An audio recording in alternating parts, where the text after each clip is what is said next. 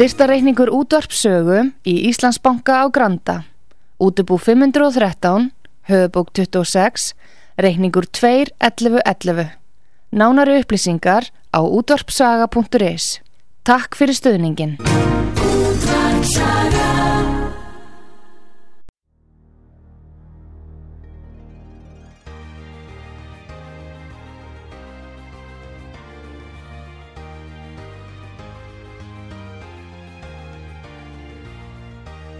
Heimsmálinn í umsjón Pétur Gunnlaugssonar. Fréttir og fréttatengt efni af Erlendum Vettvangi.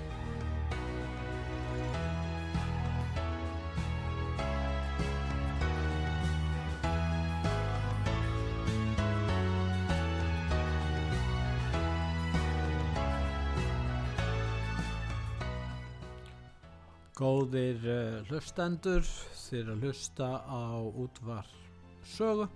Ég heiti Pétur Gunnlaugsson og ég ætla að ræða með Gustaf Skúlason okkar mann í Svíþ og sæl og blessaði Gustaf. Já, konti nú marg blessaði Pétur og hlustendur útvar sögu.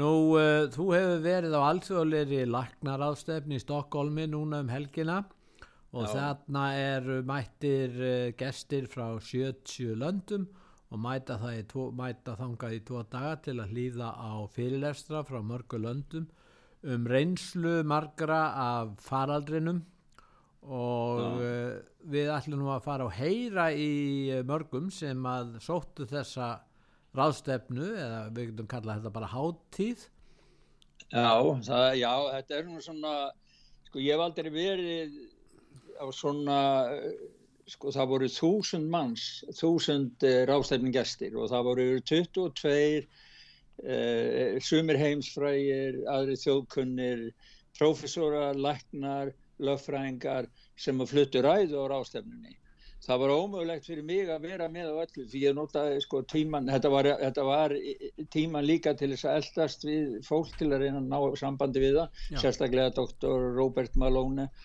Og, eh, svo, og, og þetta byrjaði sko til dæmis í gæri þá byrjaði þetta klukkan 8 hálf 9 og var alveg fram til klukkan 7 þannig ég kom aðeins setna í gæri og, og var síðan út, út alla, þetta var sko, það, sko magnið af upplýsingum þarna er saman komið fólk eh, frá 70 löndum sem eru ráðstöfungestir, hvaðan á heiminum ja. til þess að hlýða á uh, þessa leiðandi aðila, lækna og, og löffræðinga sem að eru, má ég lega segja, að saminast í því að reyna að berjast fyrir því að sannleikurinn fá að brjóta sér í gegnum allt uh, upplýsingaflæðið og flestir af þeim sem tölu þarna höfðu eigin reynsla af því að að vera útlokaðar á samfélagsmiðlum, hundeldir og niðurlæðir af fjölmjölum, stórum fjölmjölum og margir er að hafa mist fín ennbætti og, og feitar stöður.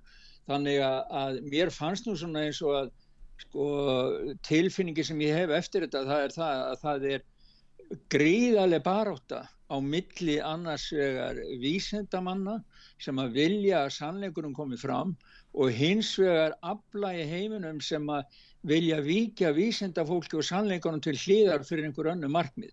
En það líka var einn eh, pallbórsumræðunum einu sinni þá að tala um yfir, yfir skriftin yfir pallbórsumræðunum var sko, gróði globalista eða heilsa alheims, heilsa fólks í heiminum.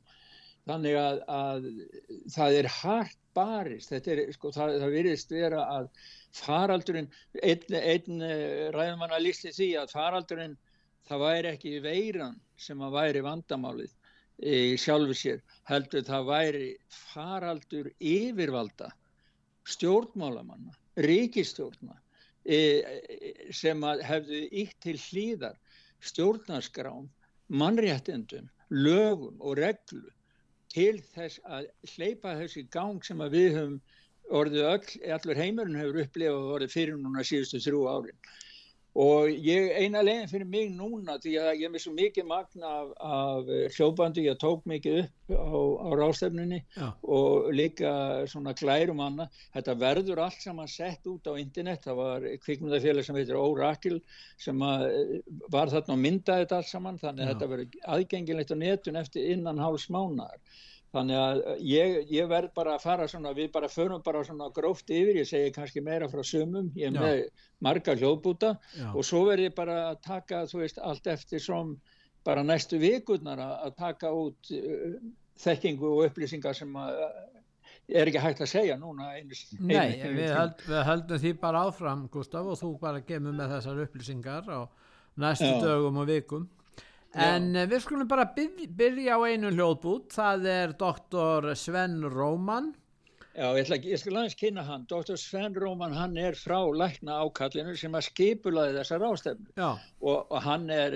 starfandi barnasálfræðingur inn í Svíþjóð og unglingasálfræðingur en hann er mikil skipuleggjandi og glaða maður og það var svona upp á bara til þess að sína svona smá innskoti hvernig stemningi var því að hann þegar hann opnaði rástefnun og lögði þess morgun þá sönga lag, við ætlum að heyra það við skulum heyra það já As you can understand, the program is very tight. The schedule is very tight. So my first recommendation is don't force yourself to see everything. So, to all of you, Willkommen, bienvenue, welcome. Fremde, étranger, stranger. Glücklich zu sehen, je suis enchanté. Happy to see you, bleibe reste stay. Willkommen, bienvenue, welcome to Waterfront, where you will teach us all about COVID-19. Hann var að leggja áherslu á það að vera ekki að reyna að leggja allt og mikla áherslu að sjá og hlusta á alla fyrirlestrana, það væri eiginlega erfitt að gera það og svo Já, sönga þetta lægið. var alveg marathón rástafna sko. Já. Já. En svo er Nei, það, nei, þannig að hann, hann söng svona bara, þú veist, þetta er nú bara svona aðeins til að það var alveg, sko, hjá þessum rástefni gestum var alveg rumu orka, sko.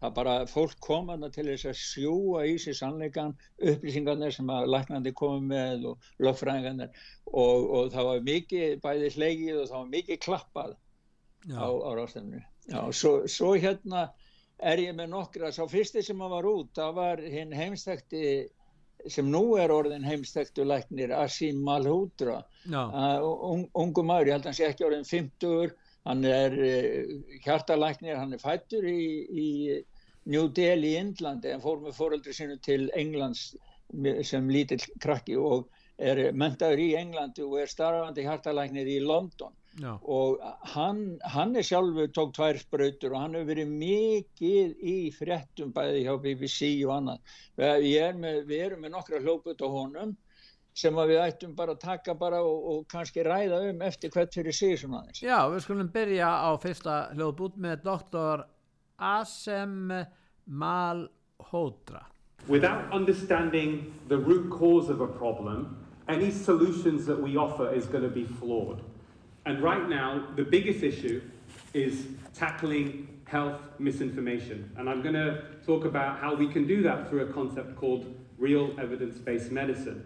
And within this talk, of course, a lot of it is going to be focused on the COVID mRNA vaccines. This is going to, in a way, this is exposing really the, the system failures that have allowed the situation to occur.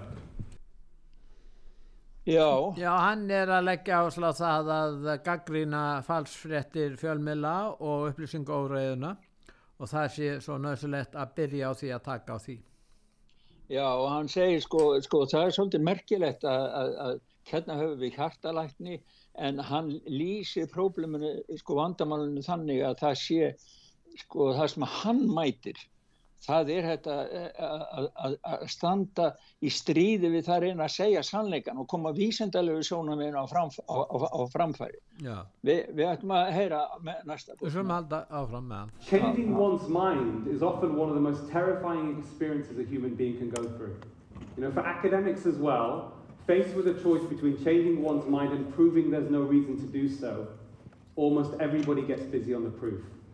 Right? So, but understanding these concepts and being vulnerable and being able to discuss it and being courageous about being vulnerable is the solution to get through the truth out to the public around these major issues that are really damaging people's mental and physical health. Uh, and to paraphrase the late great Stephen Hawking, what's worse than ignorance? The illusion of knowledge. Já. Já, hann, hann talar hérna um sko, hann talar um hvað samtali sé mikilvægt. Við megum ekki eh, grá okkur eða, eða þegja eða fara í börtu. Sko hann segir það er ekki, hann sæði það að það væri ekki áhættu löst að tala. Nei. en hann, það er hættulegra að tala ekki þannig að fyrir honum þá er það að, að sko afskaplega þýðinga mikið að fólk komi og byrja að tala um máli og, og, og um þessi mál. Ekki, ekki að vera bara með þetta með sjálfum sér og, og hérna því, ekki taka þá. En því, því fylgir það, áhætta Gustaf að tala og þess vegna hafa ymsir í þessum hópið þarna uh, mist vinnuna, ekki fengið rannsóknarskiptirki og verið útlokaður. Já, það er akkurat það sem, það sem er og það var eins og eitt sæði, segja það nú líka eftir einhvers staðar að, að, að sko þekking hún þróast og myndast og þróast í samtali tveikja einstaklinga eða fleiri sko. Já. Þannig að það er mjög mikilvægt sko að koma. Já, ef ekki bara að kæra á það. Tökum næsta, næsta hljóðbút frá honum. We have a pandemic now. of misinformed doctors and misinformed and unwittingly harm patients. So let's go into the roots of that. Without understanding the numbers involved, doctors, patients, and the public are vulnerable to exploitation of their hopes and fears by political and commercial interests. And we've seen that play out, unfortunately, during the pandemic in many different ways. Já, hann verði að benda á það að almenningur væri berskjaldar, gafkvæmt pólitískum hagsmunum og viðskipta hagsmunum og uh, þannig að uh, hann uh, er ekkit mjög bjart sín í, í þessar yfirlýsingu sinni en hann leggur áherslu á það að menn gefist ekki upp. Já, og svo, svo sko, það, það er aðtiklisvert að svona, finnst mér, ég er bara endur tek það, mér finnst aðtiklisvert að að, hafa hlusta á þennan uh, þekta kunnuga og, og döglega hjartalæknir lýsa þessari, þessari hlýða vandamálunni sem, sem mikill fyrir sig sko. En heyrði, hérna, við ættum að, við vorum svo sannans frá því sko að meðan hann var á rástefninu þá ringdi Laura Ingram í hann frá, frá bandarækjanum, frá Fox News og Já hann sagðist frá því og ég er með smá bút af því líka Já, hann en, segir líka hvers vegna fórstjóri Pfizer eh, talar ekki við bladamenn Já, það er akkurat það sem að Laura er að ræða við hann Já, við skulum heyra hvað Laura segir við hann Joining me now is Dr. Asim Malhotra, a double jabbed UK cardiologist who says he was one of the first to get the Pfizer vaccine. Dr. Malhotra, great to see you tonight. Your reaction to what the Pfizer CEO would not answer in that back and forth, which was really a one way conversation with the Rebel News reporters? Good evening, Laura. Well, I think before we uh, discuss this, I think we have to ask ourselves why we why are we even asking this question. You know, you've alluded to this at the beginning. We're dealing with one of the um, poorest efficacious pharmacological interventions with the worst safety profile, which has become the most profitable in the history of medicine. And that really sums up a system failure behind all of why we've got to this stage. Já. Já, já. Nei, þetta er, sko, hann segir það að það sé, sko, hann lýsir, lýsir uh, lifinu og, og lækna að, eða aðgerðum við að dagakar COVID sem minnsta öryggi livja og að, aðgerða sem nokkru sinna hafa verið gerð í mannkynnsugunni en jafnframt skapið það mestan gróða fyrir sem hefur verið skapaður í læknavísandunum til þessara fyrirtækja og, og, og, og það segir hann að sé system failure, altså kerfis, kerfiskallis. Hann fór sjálfur í fyrstu spröytunar, með ekki? Jú, hann fór sjálfur fyrstu spröðunar, tók fyrstu spröðunar. Sko. Ég var, ekki, ég var með á bandi einhverstað, ég held ég að vera með það, var, það var ekki hérna það sem hann var að lýsa því, sko, hann fór svolítið í gegnum sko baráttuna í Englandi, hvernig hann var hættur af eh, sko stórum fjölmjölum og svo voru keiftilæknar af Eh, livjareysunum einhverjum sem voru eh, til þess að hæðan í, í, í blöðunum. Og það var meðlans hann ta talaði um eitthvað, mannungi nafna honum að, sem hafi sagt að það væri til sérstakur staður í helviti fyrir lækna eins og malhúdra þannig að maður sér það sko baráttan er eh, það, það þurfa að vera menn með, sem eru sko baráttu menn sem að Já, hann er, hann er alin uppi hann er, hann er að uppruna indvergi ferðil og það er svolítið erfitt fyrir hann að berjast við e, e, bresku lækna mafjúni ef við orðum það þannig.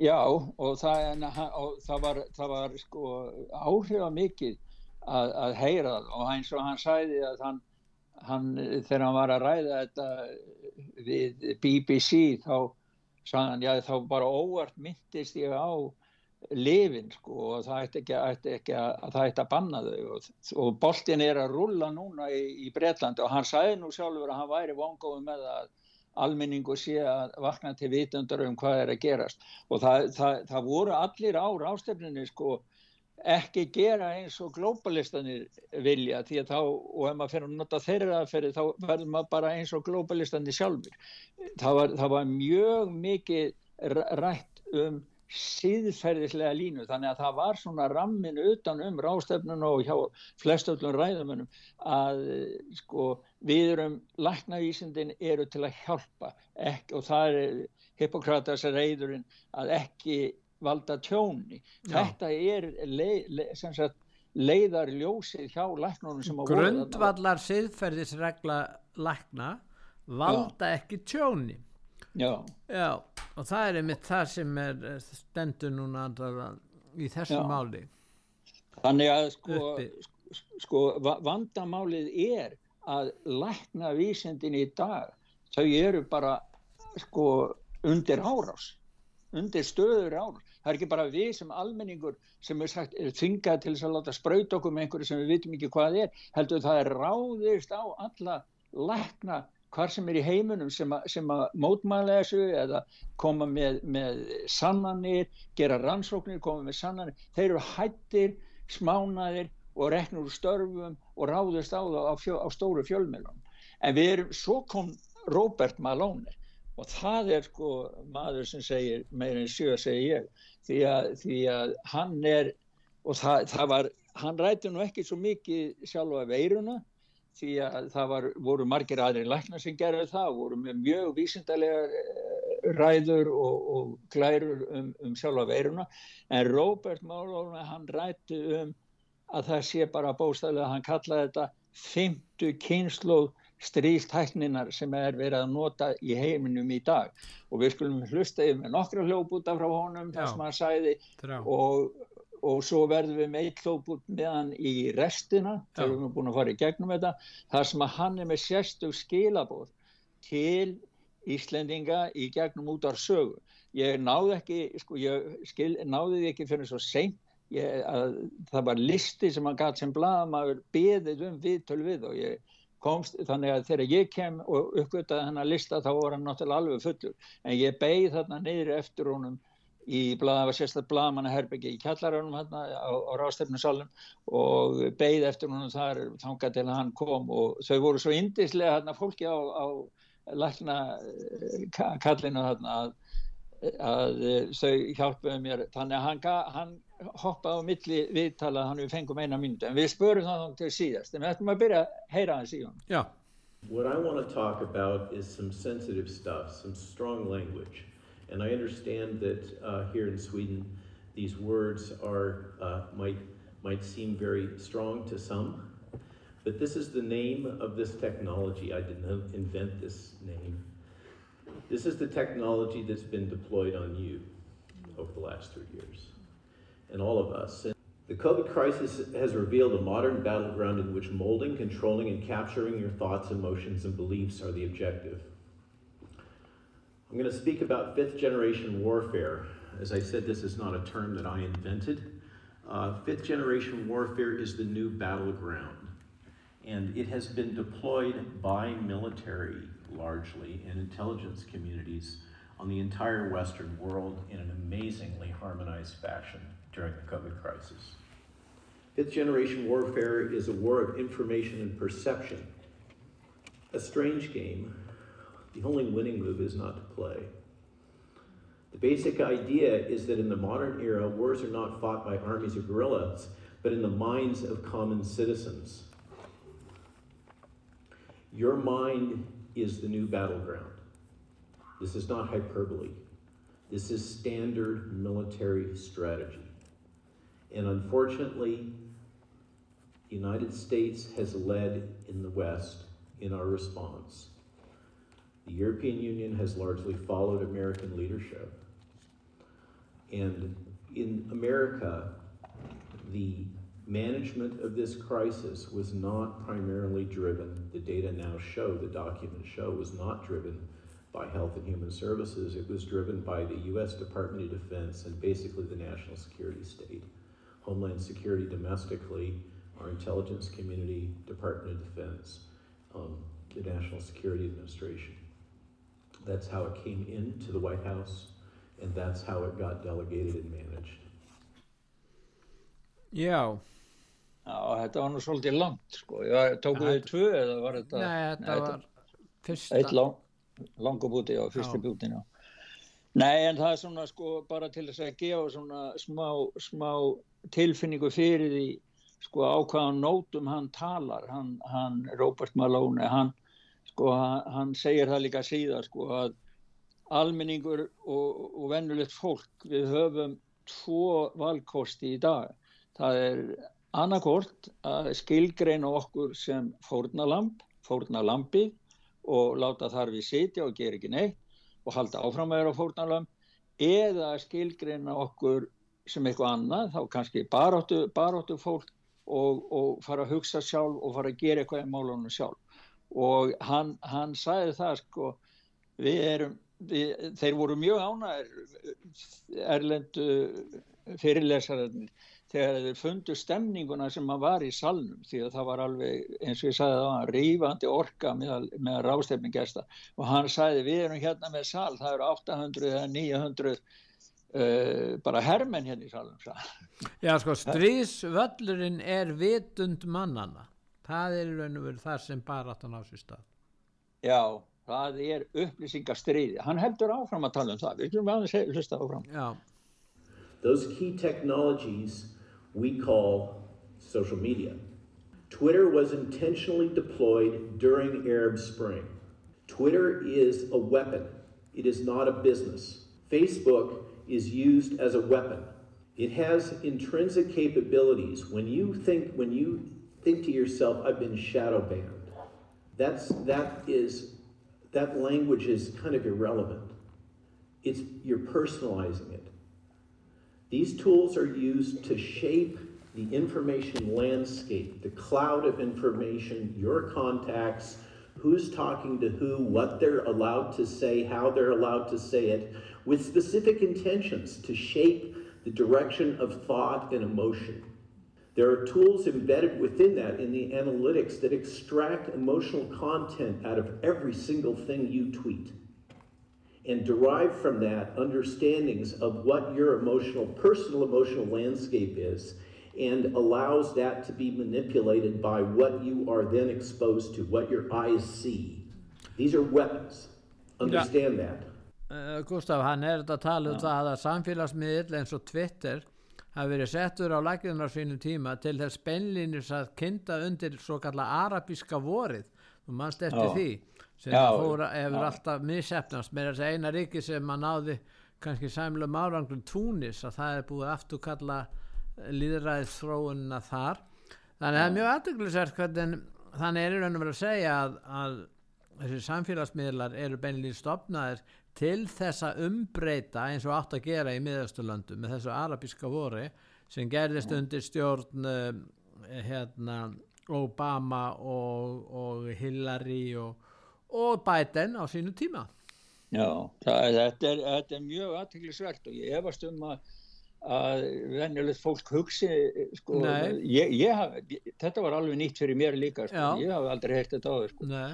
Þannig að það setur svona, svolítið svona perspektíf á þetta. Og það er svolítið merkilegt að nú er eigandi nýra eigandi að Twitter sem er kannski sko, sem er ekki inni að þessari línu sem uppalega var uh, dregin í uppafi þegar Twitter var sett á laginnar Já og, og Dr. Malhotra hann, hann var mjög hrifin af, af Elon Musk sko og þakka honum fyrir því að, því að sko, hlutur af upplýsingunum sem hafa komið núna þegar, þegar Musk hefur sleppt lausum Twitter skjölum annað, það hefur hjálpað sannleikonum til að koma fram líka fyrir læknavísindin og læknan.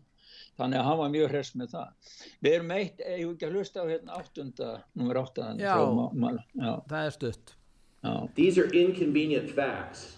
The world that many of us believed existed no longer exists if it ever did. For me, the stunning bookend is this recent revelation on Tucker Carlson that the first thing that I remember as a young person born in 1959, the assassination of John F. Kennedy, was probably propagated in significant part by the United States intelligence community. And we have been lied to about that my whole life. Welcome to fifth generation warfare. The battlefield is your mind. Já, með þess að fer og, og vísa til þess að Kennedy var dreipið, það er á átt sér uh, þáttarskil í bandarískum stjórnmálum. Það er í sér Tucker Carlson hjá Fox að halda þessu fram að vísa að vinsir aðeins gert það með, með annars kvikmyndalegstjórin Oliver Stone, hún kannast nú kannski við. Já, já, það, við, það, við byrtu myndu eftir hann að það er sambandi úgrænustrið. Já, já þannig að, að það er sko en, en við ætlum núna Gustaf að hérna Já. eftir að hafa heyrt þetta og þau förum svo að ætlum að hlusta núna á auglýsingar og svo höldum við áfram og tökum, förum að ræðum þessar pallborðsumræður sem voru á lögadagin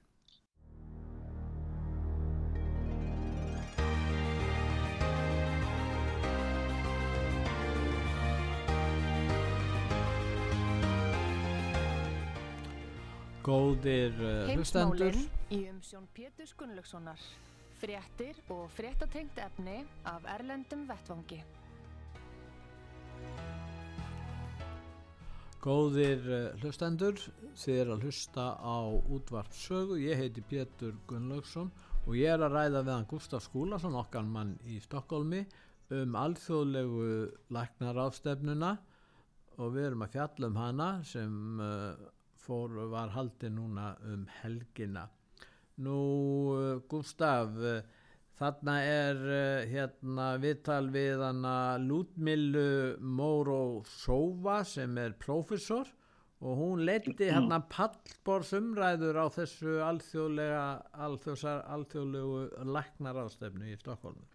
Já, ég var sko með, ég var að býða eftir því að, að ná Eh, fanga hérna, Robert Malone þá beigði þarna fyrir utan og þá var fólk sem var bæði ræðumenn og, og eins og hún sem leiti pallbórsumræður e, eina af fjórum að þá, þá náði ég tala á nokkur þeirra, ég náði tala við hana, John Steppling og uh, svo heyrum við aðeins í frá pallbórsumræðu þar sem að John Steppling stjórnaði og síðan rakst ég á einn íslending líka niður sem að ég tók smá viðtal við líka. Já, ef, ef við hlustum á Lút Milum, hvað Já, hún segir. Byrjum á henni.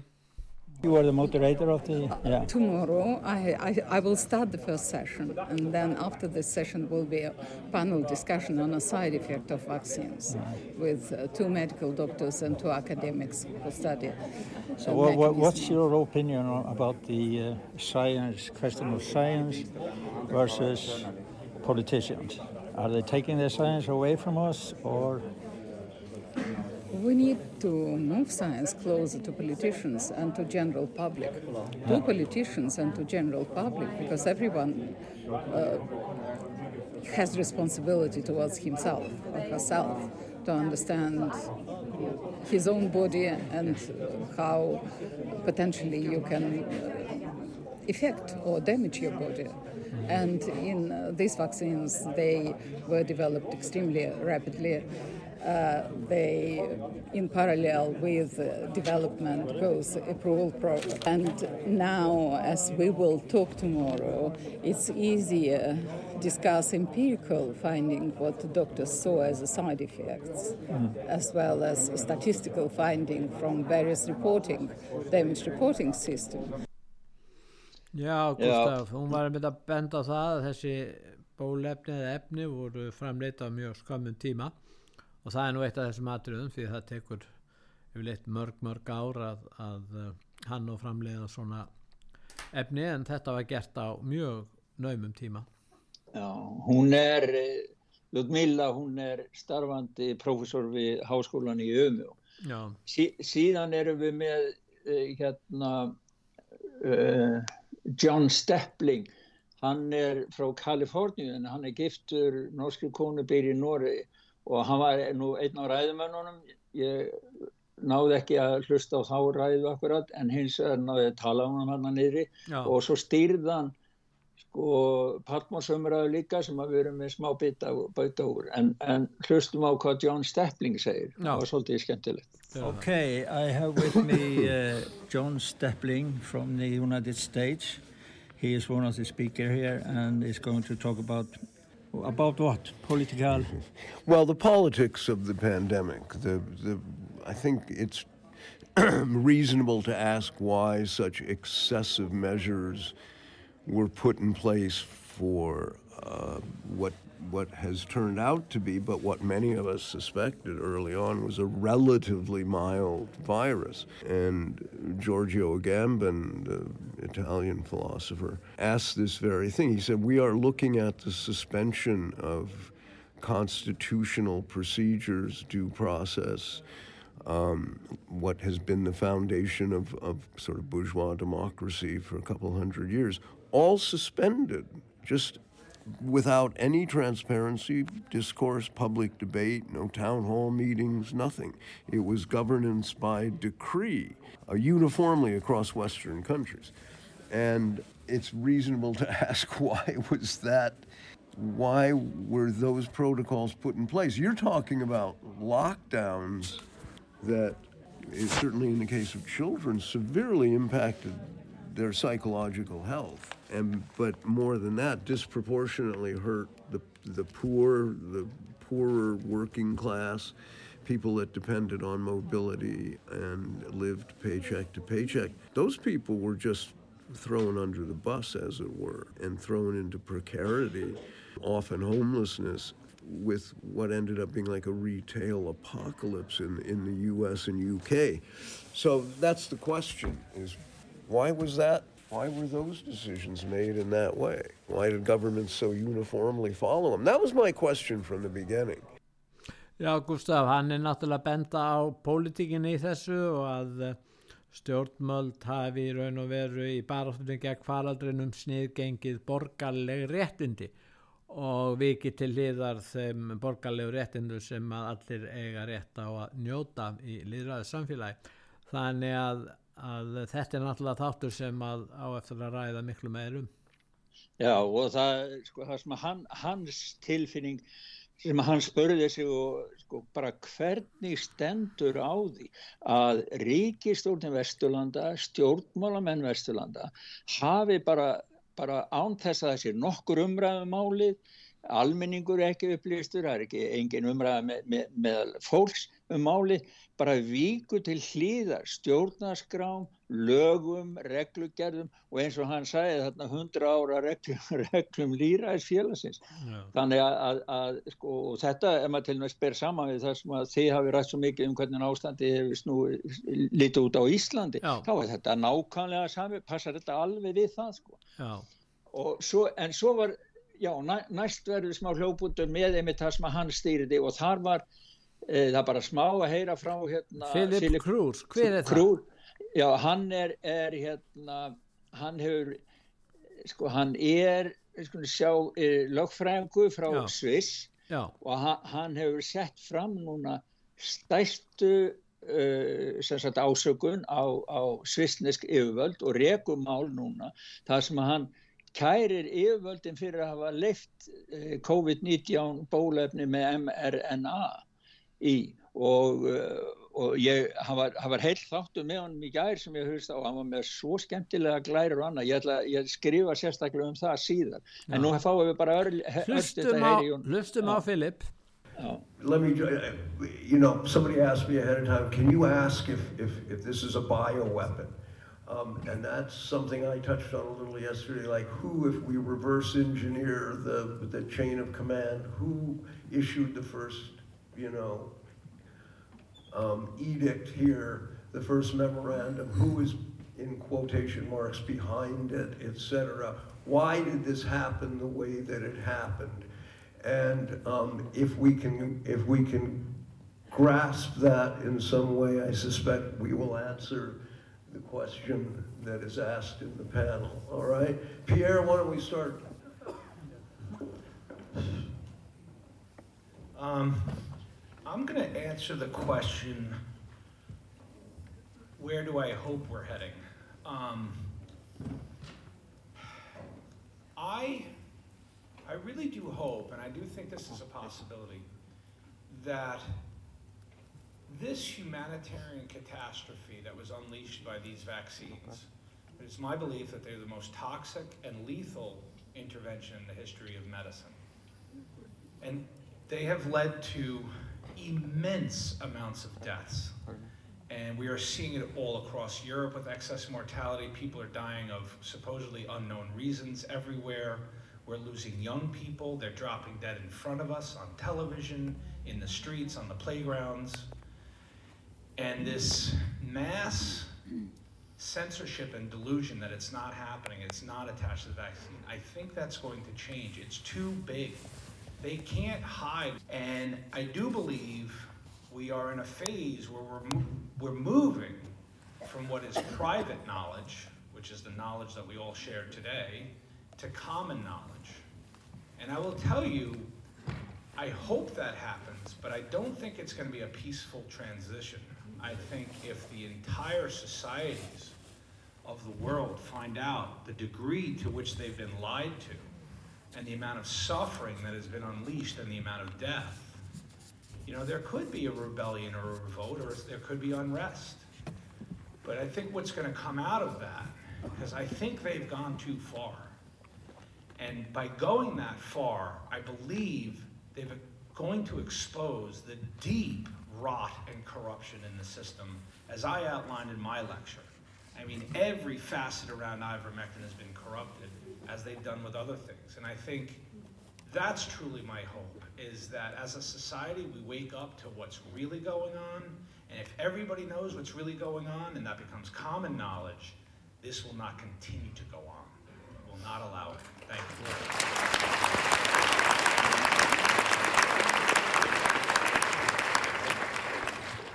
Já, Gustaf, Filip hann hérna telur að það verði viðbröð af hálfu almennings í fyllingu tímans. Já, það gæti verið að ég hafi rugglað Filip saman við einhvern sem heitir Torkel Snellingen en, en það skiptir ekki máli sko. Ég hann byrjaði að skrifa- tala, Filip, að sambandi við það hver bæri ábyrð á upphæfi uh, þessa, ef, ef við lítum á þetta sem einhver vopn.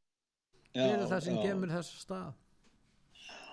Nei, en hann, það, það sko, það, þá ég, ég eftir að skrifa þannig að kem- kemur miklu meira um þetta skilur, það er bara ekki hæg. En hérna á, á svona stöðstum tíma sko, að fara yfir allar þessar upplýsingar. En heyrðu, hérna, svo, ég náði líka viðtali við, ég hitti konu hérna sem að var að eldast við uh, Asim Mahúdra til þess að bjóða honum að koma til Íslands og halda fyrirlestar á Íslandi og ég var náttúrulega voðalega glaður þegar ég heyrði hana, hún var að bjóða honum að koma þegar hann sagði já, bláa lagúnin, það væri flott að fara að langa, hann Já. að, að hérna og þá gaf ég mig á tal við hana og ég fekk, hún var býr í Svíðsjóð en hún sagðist vera frá málfrelsi einhver samtök á málfrelsi fyrir, fyrir Já, málfrelsi á málfrelsi Íslandi samtökin á Íslandi, já, já, það er Já. nýstofnum samtök. Hún heiti Svala Magnia Ástísardóttir við leifum henni bara að tala Já, heyrum í henni, Svölu. Ég er hérna á alþjóðlegu læknar ástöfnunni í Stokkólmi í Waterfront Conference gengið mjög vel í dag og, og, og mikið á áhuga svonum uh, fyrirlesurum. En núna mætti ég einum, einni konu hérna frá Íslandi. Viltu segja mér hver, hver þú ert og hvað þú ert að gera hér? Herri, ég heiti Svala Ástísadóttir og það kannast kannski fólk við mig úr samtökunum e, Málfrelsi sem eru til dælega nýlega stöfnuð e, samtökum með opna umræðu líð, líðræðu og mannréttindi. Og við höldum út í miðlinum krossgötur og ég hef svolítið verið að skrifa þar. Elon Musk og tjáningafrelsi og hatusórðuræðu og, og, og aðför gegn tjáningafrelsinu og ég er hérna stöð til þess að eh, fylgjast náttúrulega með máli málana þar sem að hér eru er bara allir þessi sérfræðingar meir og minna sem maður hefur verið að taka mið af hérna síðastliðin ár Rósalega gaman að hitta þig og að sé áhugið fyrir þessu. Það er bara ferlega gaman að sjá þig líka. og hvað allar að bjóða, er það markmiði hjá ykkur í hóknum málfræðis að bjóða einhverju fyrirlesum hér að koma til Íslands til að halda fyrirlestar það? Já, að sjálfsögðu, að sjálfsögðu. Þetta er allt saman fólk sem, að, sem er e, óbengt líka að berjast fyrir hérna málfræðsis, gegn því að vera þakkaðir og allir Já, þessir einstaklingar hafa verið þakkaðir. Þannig að við í málfrælsisfélaginu við lítum eiginlega þannig á að þetta sé ein leið til þess að lifta umræðinu til þess að þetta hleypa réttmætum upplýsingum að. Það er að staða þökkunina.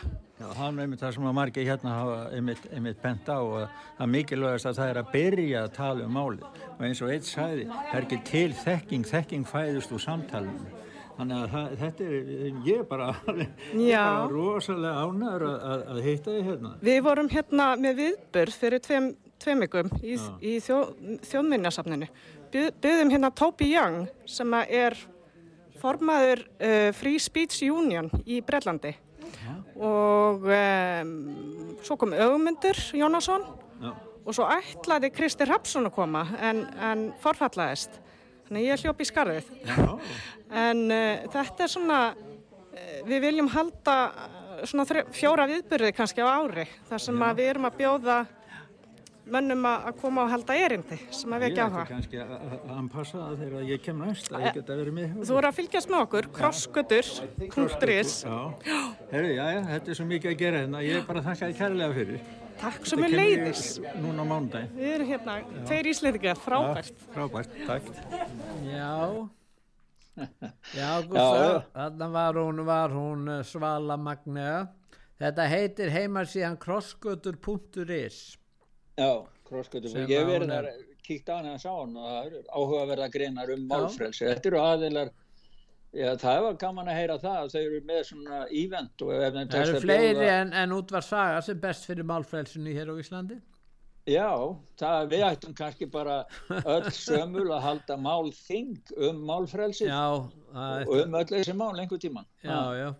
En síðan er, er hann hérna Robert Malone, hann ætlaði nú að tala til eh, hérna hlustenda útvar sögu Já, ég, hann var svo elskulegur og með, með aðstóð starfsmanna uh, sem sagt rástefnunar og frá lækna ákallinu sem að skildu vel og fannst það mikið til koma að væri einhver, frá, einhver fjölmiðl frá Íslandi. Það voru gríðalega margi fjölmiðla hvaðan og mest náttúrulega það var einhver stóru fjölmiðla en mest alls svona valkostamíla en hann, þannig að þau töluðan töluðu við hann og, og hann innan það að koma og segja nokkur fallegu orð til Íslendinga og við fengum eina mínútu sem við skulum hlusta á sem er hans sérstakur bóðskapu frá Dr. Robert í gegnum útarsögu til Íslendinga.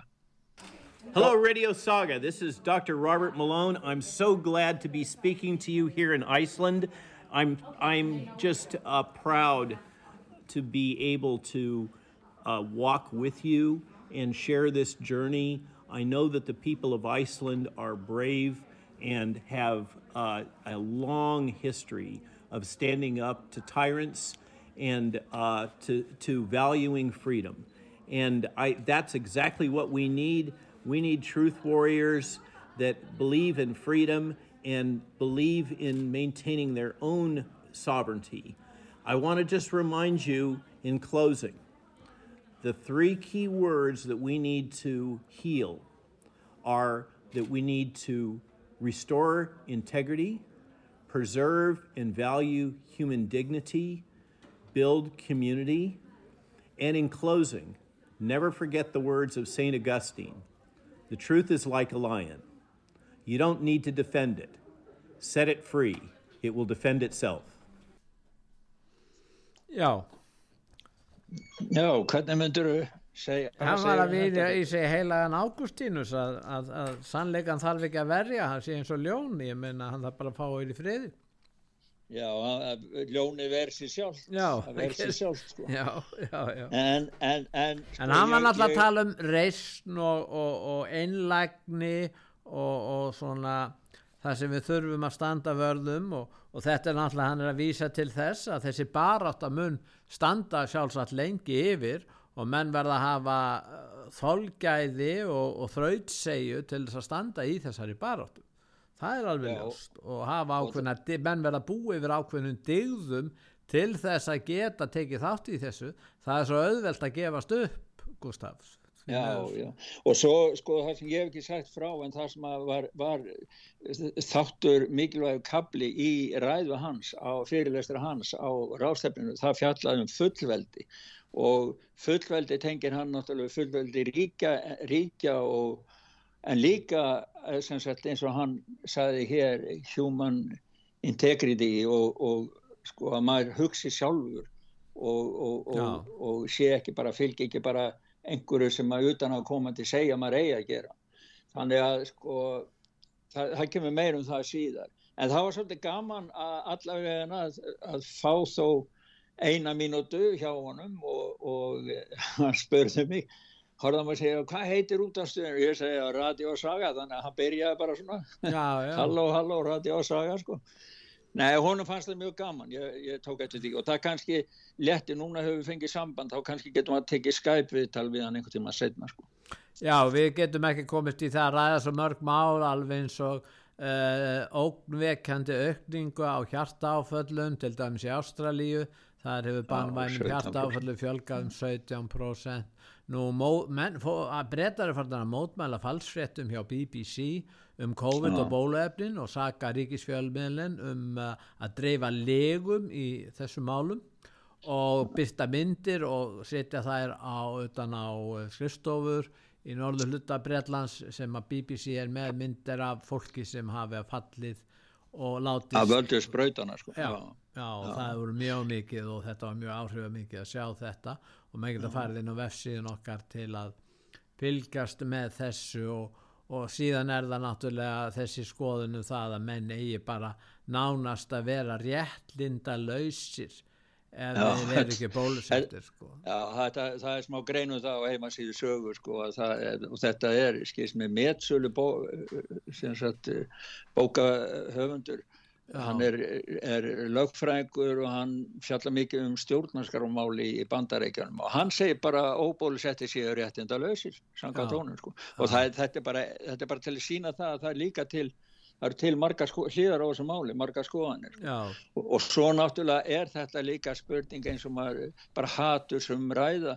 Európusambandið ætlar að koma á núna e- fullkomlega eftirliti með öllum spjallrásum á netun þannig að það, þú veist, í nafni þess að það sé verið að stopna, stoppa barnaklám og eitthvað svolítið, en þá ætlar að fylgjast með einhverju einustu spjallrás á netinu, þannig að enga, enga að, svona, að maður getur haft eitthvað engalíf, það er farið, sko. Já, síðan á Íslandi þá veistu það að fósitisáðran á er að kalla til og gera algerir áallun um að allir uh, opinberir starfsmenn fari, fari á sérstakna námskeið til þess að uh, taka þátt í fræðslu um haturs orðræðu vantala byggð á viðhorfum fósitisráðhrans og hennar flokksmanna. Já, en er þetta ekki sami fórsættisráðurinn sem ítti stjórnarskráni og öllu til hliðar og Jú. líst yfir neyðar ástandi? En hún hefur Og- áhuga að koma á lækirna sinni stjórnarskrá, þannig að má segja að hún hafi áhuga á stjórnarskrá sko. Akkurat, það er hennar, hennar eigin Já, það, það verður ekki tekið frá henni, hún hefur mikinn áhuga því. En Já. við komumst ekki lengra, þetta fjallaði fyrst og fremst um alþjóðlugu laknar á stefnuna. En við Já. ættum kannski að enda á læginu með Pink Floyd, The Wall, Another Brick in the Wall og það fjallar auðvitað um hjarðhegðun og Já. hvernig að menn hafa látið heila þó sig í þessu máli og vonandi fer það nú að breytast og það bendir margt til þess. En hlustum á Pink Floyd, takk æði fyrir Gustaf. Þa- Þakka þér kærlega Pétur. Já, bless. Bless. We don't need no